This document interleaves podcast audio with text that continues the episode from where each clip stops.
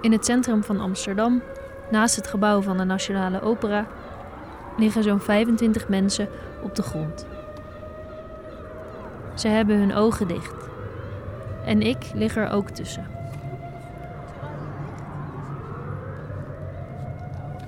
Ik hoor gefluister en ik doe mijn ogen open. Hallo, dode persoon, wil je een snoepje? Voor de wacht. Iemand met een groen hesje biedt me een snoepje aan. Zojuist klonk het luchtalarm. Extinction Rebellion claimt dit alarm voor de klimaat- en biodiversiteitscrisis. Dit is geen oefening. Dit is een noodsituatie. Elke eerste maandag van de maand, om 12 uur, valt een groep mensen dood neer. Deze actie, een die-in genoemd, vindt ook in andere steden plaats. Extinction! Rebellion! Extinction! Rebellion! What do we want? Climate justice! When do we want it? Now! Op deze manier wordt er gewaarschuwd voor de klimaatcrisis en de toekomst die de mens misschien wel te wachten staat. Ik lig tussen Marieke en Nela in. Verderop in deze aflevering luister je naar een gesprek met Nela en Marieke hoort bij theatergezelschap Gouden Haas. Terwijl ik daar lig, ongeveer een kwartier lang, denk ik aan de toekomst, in het slechtste scenario. Zou het kunnen dat klimaatverandering het einde van de mensheid betekent? Als we weer rechtop zijn gaan zitten, zie ik dat Marieke tranen in haar ogen heeft. Mijn kindje is daar. Ze wijst naar een klein jongetje met krullen. Ja. Hij zit in een kinderzitje en zijn vader houdt de fiets vast. Samen zwaaien ze naar ons. In de vierde aflevering de vraag: hoe verhouden we ons tot het menselijk uitsterven? Extinctie. Hallo. Hoi, mag ik jullie wat vragen stellen? Was dit voor jullie de eerste keer eh, om mee te doen aan een die-in? Eh Dijen wel, ja. Ja, voor mij ook. En ik vroeg, me, ik vroeg me af, hebben jullie eigenlijk zelf een soort beeld voor ogen eh, als je nadenkt over uitsterven? Zijn jullie daarmee bezig? Nou, ik kijk heel veel films. En ook heel veel van die eh, science fiction films waar je dan zo'n stad voorgeschoteld krijgt die dan onder de dikke laag afval en smok en weet ik het allemaal wat. En ik betrap me er gewoon best wel vaak op dat ik denk, oh, volgens mij zitten we daar al. Dat ik na zo'n Koningsdag, dat de hele stad gewoon één grote ravage is. En ik denk dat we met alle bosbranden waarvan we weten dat die over een maand of zo weer door de hele wereld gaan oplaaien. Ja, we hebben al een soort van geaccepteerd dat dat bij het heden hoort. Maar echt de ultieme apocalyptische beeld is denk ik gewoon dat we gewoon allemaal bezwijken aan de hitte. Omdat we gewoon niet kunnen leven in een, in een temperatuur waar we gewoon niet meer verkoeling kunnen krijgen. En steeds meer airconditioning nodig hebben om, eh, om maar een koel hoofd te houden. Dat zou jouw film zijn. Ja, nou, het zou, ik zou het Ja, fijn vinden als, het- als het een film zou zijn. Maar eh, ja, ik denk dat het, het is een beetje de film die om ons heen gebeurt. Ik weet wel dat ehm, er bij mij gewoon heel erg een soort van angst ook wel eh, zit. Ehm, ik wens het niemand toe om te leven op een plek die eigenlijk onleefbaar is. Ik, ik heb geen kinderen, ik wil geen kinderen, maar ehm, eh, ja, ik kan niet zeggen dat de aardbol is de enige reden, maar het is wel echt een grote. Ja. Dus eigenlijk ben ik best bezig met de toekomst. Ja. Ehm, en waarom denk je dat zo best wel een gevoelig onderwerp is om ook te praten over dat menselijk uitsterven? Of voelen jullie dat, misschien voelen jullie dat ook niet? Ja, ik vind dat zelf ook wel heel moeilijk te bevatten. Maar ja, ik denk wel dat het de realiteit is. En ja, I don't know. Het lijkt een soort van onmogelijk van als er geen mensheid is, dan kan er niks zijn. Eh, Ik vind dat we ook best wel laconiek doen over dieren die zomaar uitgestorven zijn. Dat we die gewoon moedwillig van deze aarde hebben verdreven en dat die gewoon nooit meer terugkomen. En ik denk dat, dat mensen het heel moeilijk vinden om de link te leggen dat hetzelfde met ons zou kunnen gebeuren. Maar dat is wel de realiteit. Het is gewoon zo'n zo'n grote kloof tussen wat er met dieren gebeurt en wat dan met ons blijkbaar niet kan gebeuren. Want ja, we zijn, we zijn de mensheid. Dus Maar heeft het zin om, om denken jullie, om daarover na te denken, om dat beeld te schetsen? Ja, ik denk dat het ook heel gevaarlijk is. Want ik denk dat als iets al te apocalyptisch is, of een toekomst die te deprimerend is, dat mensen dan ook hun handen ervan aftrekken. En nu hebben we misschien wel het besef van het is inderdaad mijn probleem en ik heb het helpen veroorzaken. Maar ja, het is nu toch al te laat en ik leef nog uh, 60 jaar. Uh, ik kies ervoor om geen kinderen te nemen, dus ja, ik zit mijn tijd wel uit. Dat, ik denk dat dat ook een gevaar is. Dat we in een soort van uh, ja, verlammende houding schieten van oké, okay, ja, het is wat het is.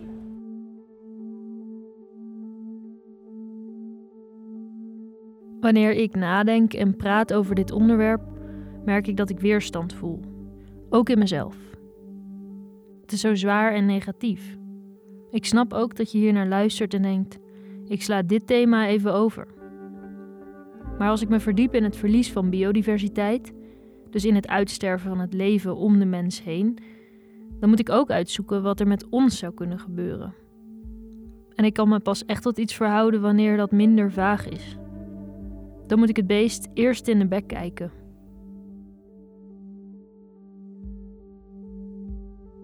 De effecten van klimaatverandering zullen steeds meer en tegelijkertijd optreden, in wisselwerking met elkaar en met andere risico's, wat leidt tot steeds gevaarlijkere gevolgen. De artikelen die ik over klimaatverandering lees, schetsen keer op keer een donker toekomstscenario. Clive Hamilton bijvoorbeeld is klimaatexpert. Hij schrijft in The Guardian dat hij er bijna zeker van is dat we afstevenen op een toekomst waarbij de aarde met 2 graden opwarmt. Die 2 graden zouden volgens hem waarschijnlijk kantelpunten veroorzaken die desastreuze gevolgen voor de mens hebben.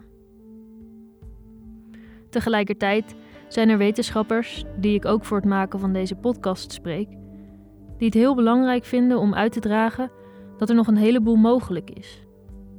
Dat het niet te laat is. Naast het optimisme en het pessimisme is er ook een hoop verzet.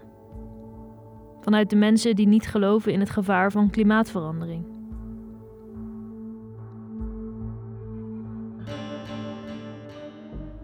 Op diezelfde dag als de Die-In, waar ik bij aanwezig ben, wordt er in Ahoy Rotterdam een uitverkochte lezing gegeven. De spreker is psycholoog en schrijver Jordan Peterson. Hij heeft zo'n 6,8 miljoen abonnees op zijn YouTube-kanaal. Op dat kanaal staan video's waarin hij mensen interviewt. Het laatste half jaar nodigt hij voornamelijk klimaatskeptici uit om hun ideeën met de wereld te delen. Dit is Peterson in gesprek met Richard Linson. Do you think that we have any existential, real existential concerns on the climate front? Not for the next 5,000 years. Okay, okay. So so we probably don't have to worry about that for at least 4,000 years. I, I think so. In een van de video's is ook de Nederlandse Eva Vlaardingerbroek te horen. Die video is ongeveer 910.000 keer bekeken. Ze beweert dat de stikstofcrisis in Nederland een vooropgezet plan is om de boeren hun land te onteigenen. I think that the true intent that the government has is to get rid of our farmers. They want the land because they need the land. I would say that there's definitely intent here and it goes further than just being cornered by courts. En wat is voor Jordan Peterson het doemscenario? Oh, well, I've thought for at least 10 years that the biggest problem in 50 years will be that there's just not enough people. I remember hearing you say a few years ago that you thought we'd peak at about nine, nine. billion. Yeah, we probably won't hit nine. Als ik er naar kijk, denk ik terug aan hoe ik vroeger uren naar hem kon luisteren. Voordat hij deze ideeën verkondigde, bekeek ik namelijk veel van de lezingen die op zijn kanaal te vinden zijn. Het waren lessen die hij gaf op een universiteit. The best way to learn about something is to talk about it. And when I'm lecturing, I'm thinking, you know, I'm, I'm not trying to tell you what I know for sure to be the case, because there's lots of things I don't know for sure to be the case. Hij heeft het onder andere over de werking van psychoanalyse, Freud en Jung, En over de betekenis van verhalen uit de Bijbel en van mythes en legendes. So Jung believed that the dream was the birthplace of thought. And I've been extending that Ik vond het heel interessant. En nu kan ik hem niet meer volgen. Als ik door zijn archief van oude video's kijk, vind ik een college van Peterson over de zondvloed. Hij vertelt het verhaal van Noach uit de Bijbel, die van God te horen kreeg dat er een vloedgolf zou komen, die de hele wereld zou overstromen. Because what happens with Noah is that he can see that things are not good and that there's a flood coming. Peterson analyseert de boodschap die je eruit kunt halen. Hoe bereid je je voor op ellende, op die symbolische zondvloed? And he could see a little farther into the future than someone whose vision was completely obscured by, by fog and chaos. And he could tell that things were not going to go well. And so he prepared for it. And because he prepared for it, well, then things actually went pretty well for Noah, even though the flood came. Of je de confrontatie uit de weg gaat de mensen om je heen wilt waarschuwen en chockeren, of je denkt dat het beter is als we allemaal optimistisch blijven. Misschien komt de manier waarop we omgaan met het idee van extinctie vanuit de angst die we ervoor hebben. Angst voor iets dat we moeilijk kunnen bevatten.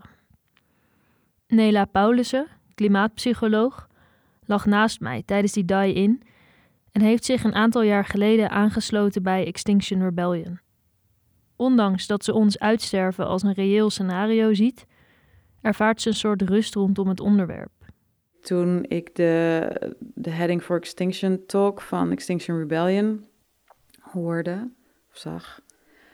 Ehm, en dat was eh, Roger Hallam, een van de founders van Extinction Rebellion. Die, ja, het is een soort komische man die dan ergens in een buurthuis in de UK, ik weet niet precies waar, ja, dat verhaal gaat doen aan gewoon mensen uit dat stadje.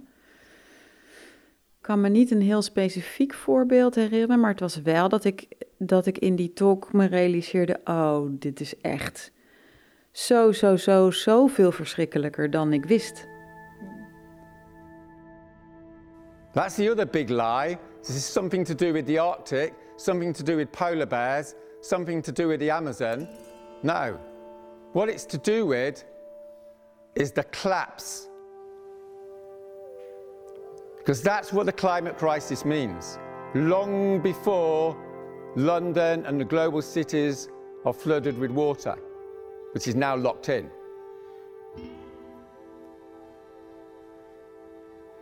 At a certain point, it's bang, mass death, social collapse.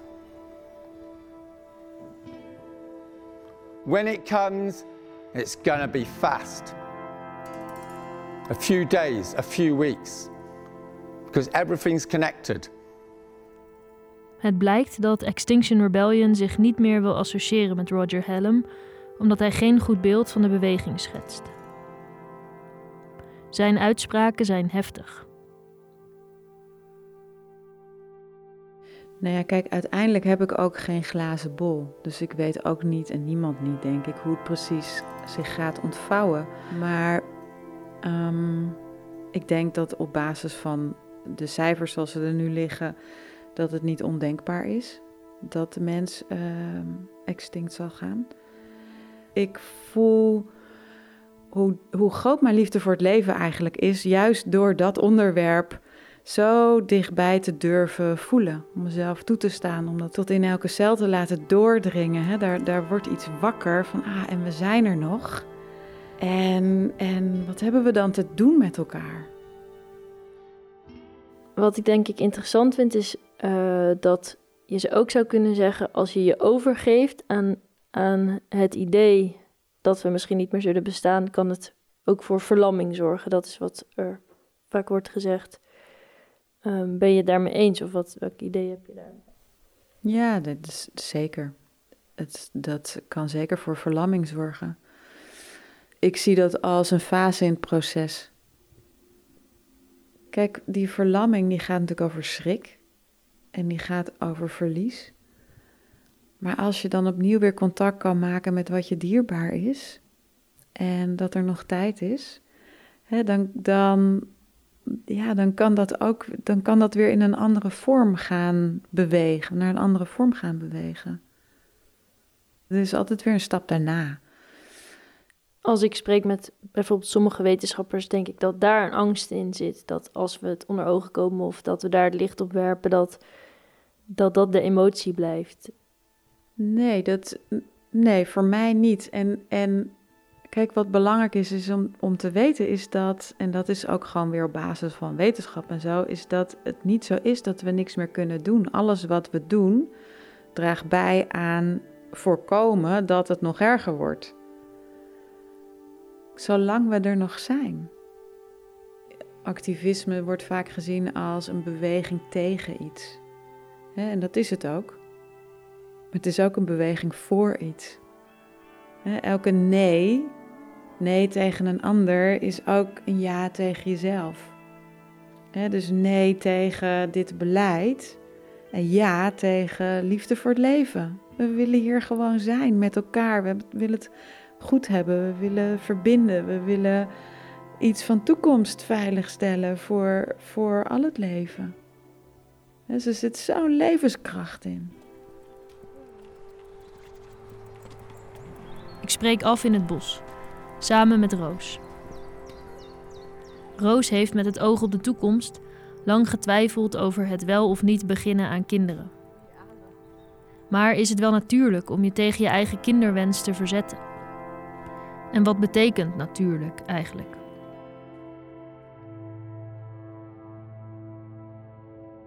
Wanneer begon je eigenlijk na te denken over dat je wel een kind zou willen krijgen? Ja, eigenlijk wil ik dat mijn hele leven al. Ik kan eigenlijk niet anders herinneren. Dus toen ik klein was, speelde ik eigenlijk altijd al met poppen. Ik kan me ook echt wel herinneren dat het ook echt voelde alsof het mijn baby was. Dus ik kan me dat niet echt anders herinneren. Het is altijd al een, een wens geweest eigenlijk.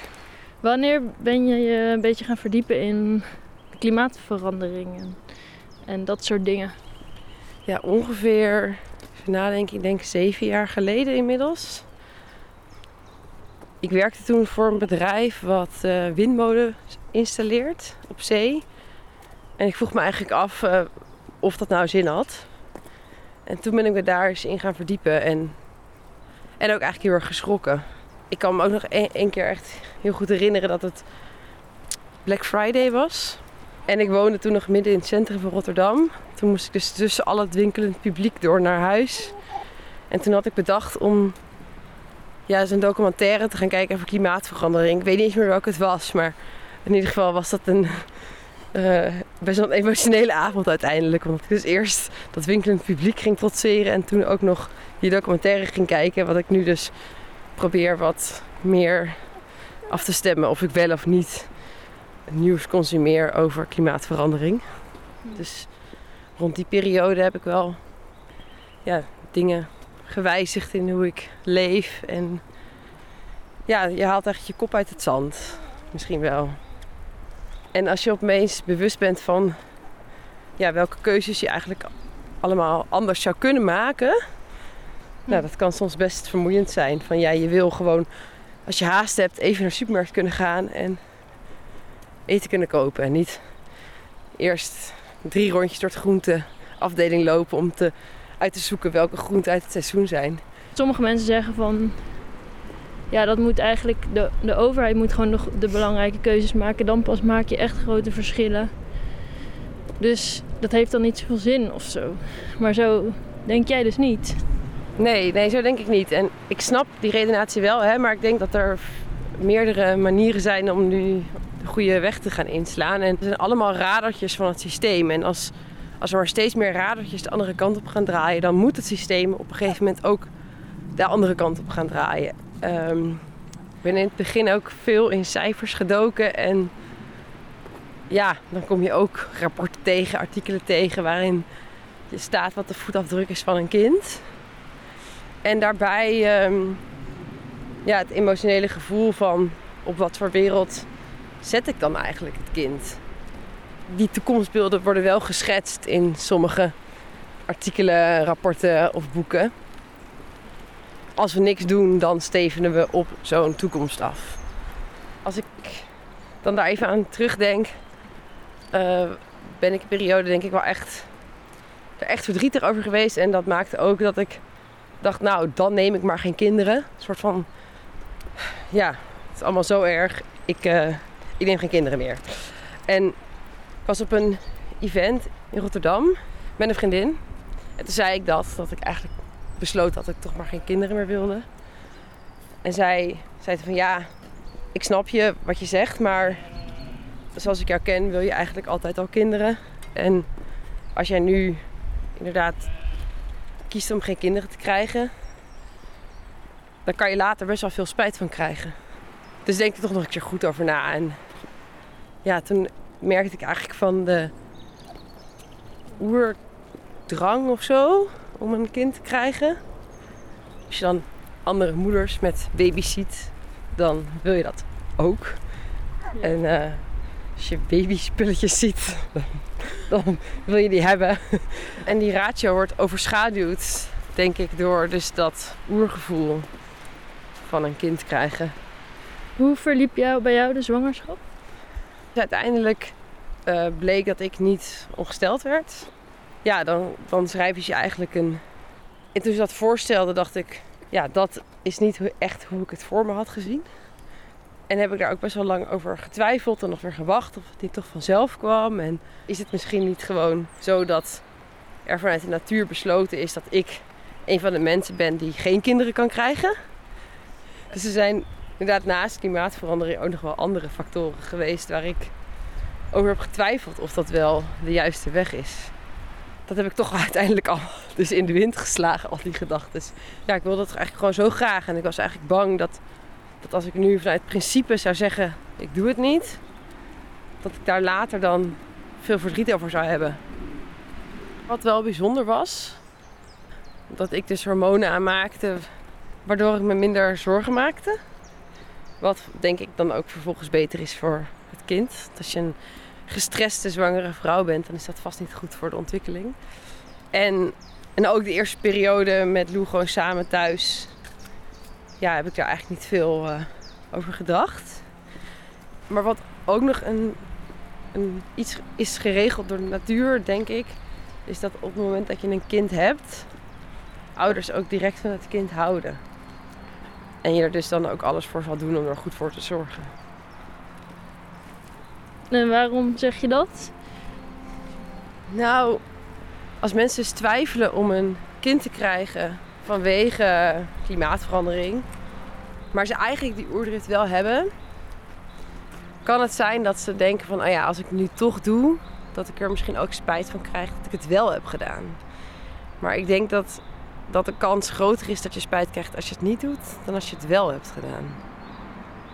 Kan je iets vertellen over Lou? Ja. Lou is uh, bijna zeven maanden. Is geboren op 7 september. Spartelen. Lekker spartelen. Ik ben heel dankbaar dat Lou er is. Zo, doe even zo. Hoe heb jij dat van de zon, schat?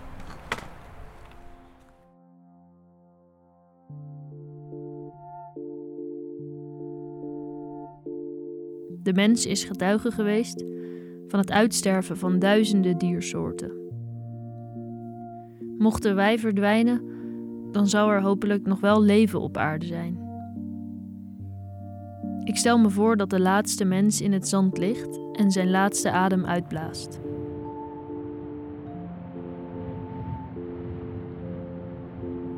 Er loopt een groepje kamelen langs. Ze ruiken even aan dat dier dat daar ligt te kraperen. En lopen dan weer rustig verder. Dat was het dan.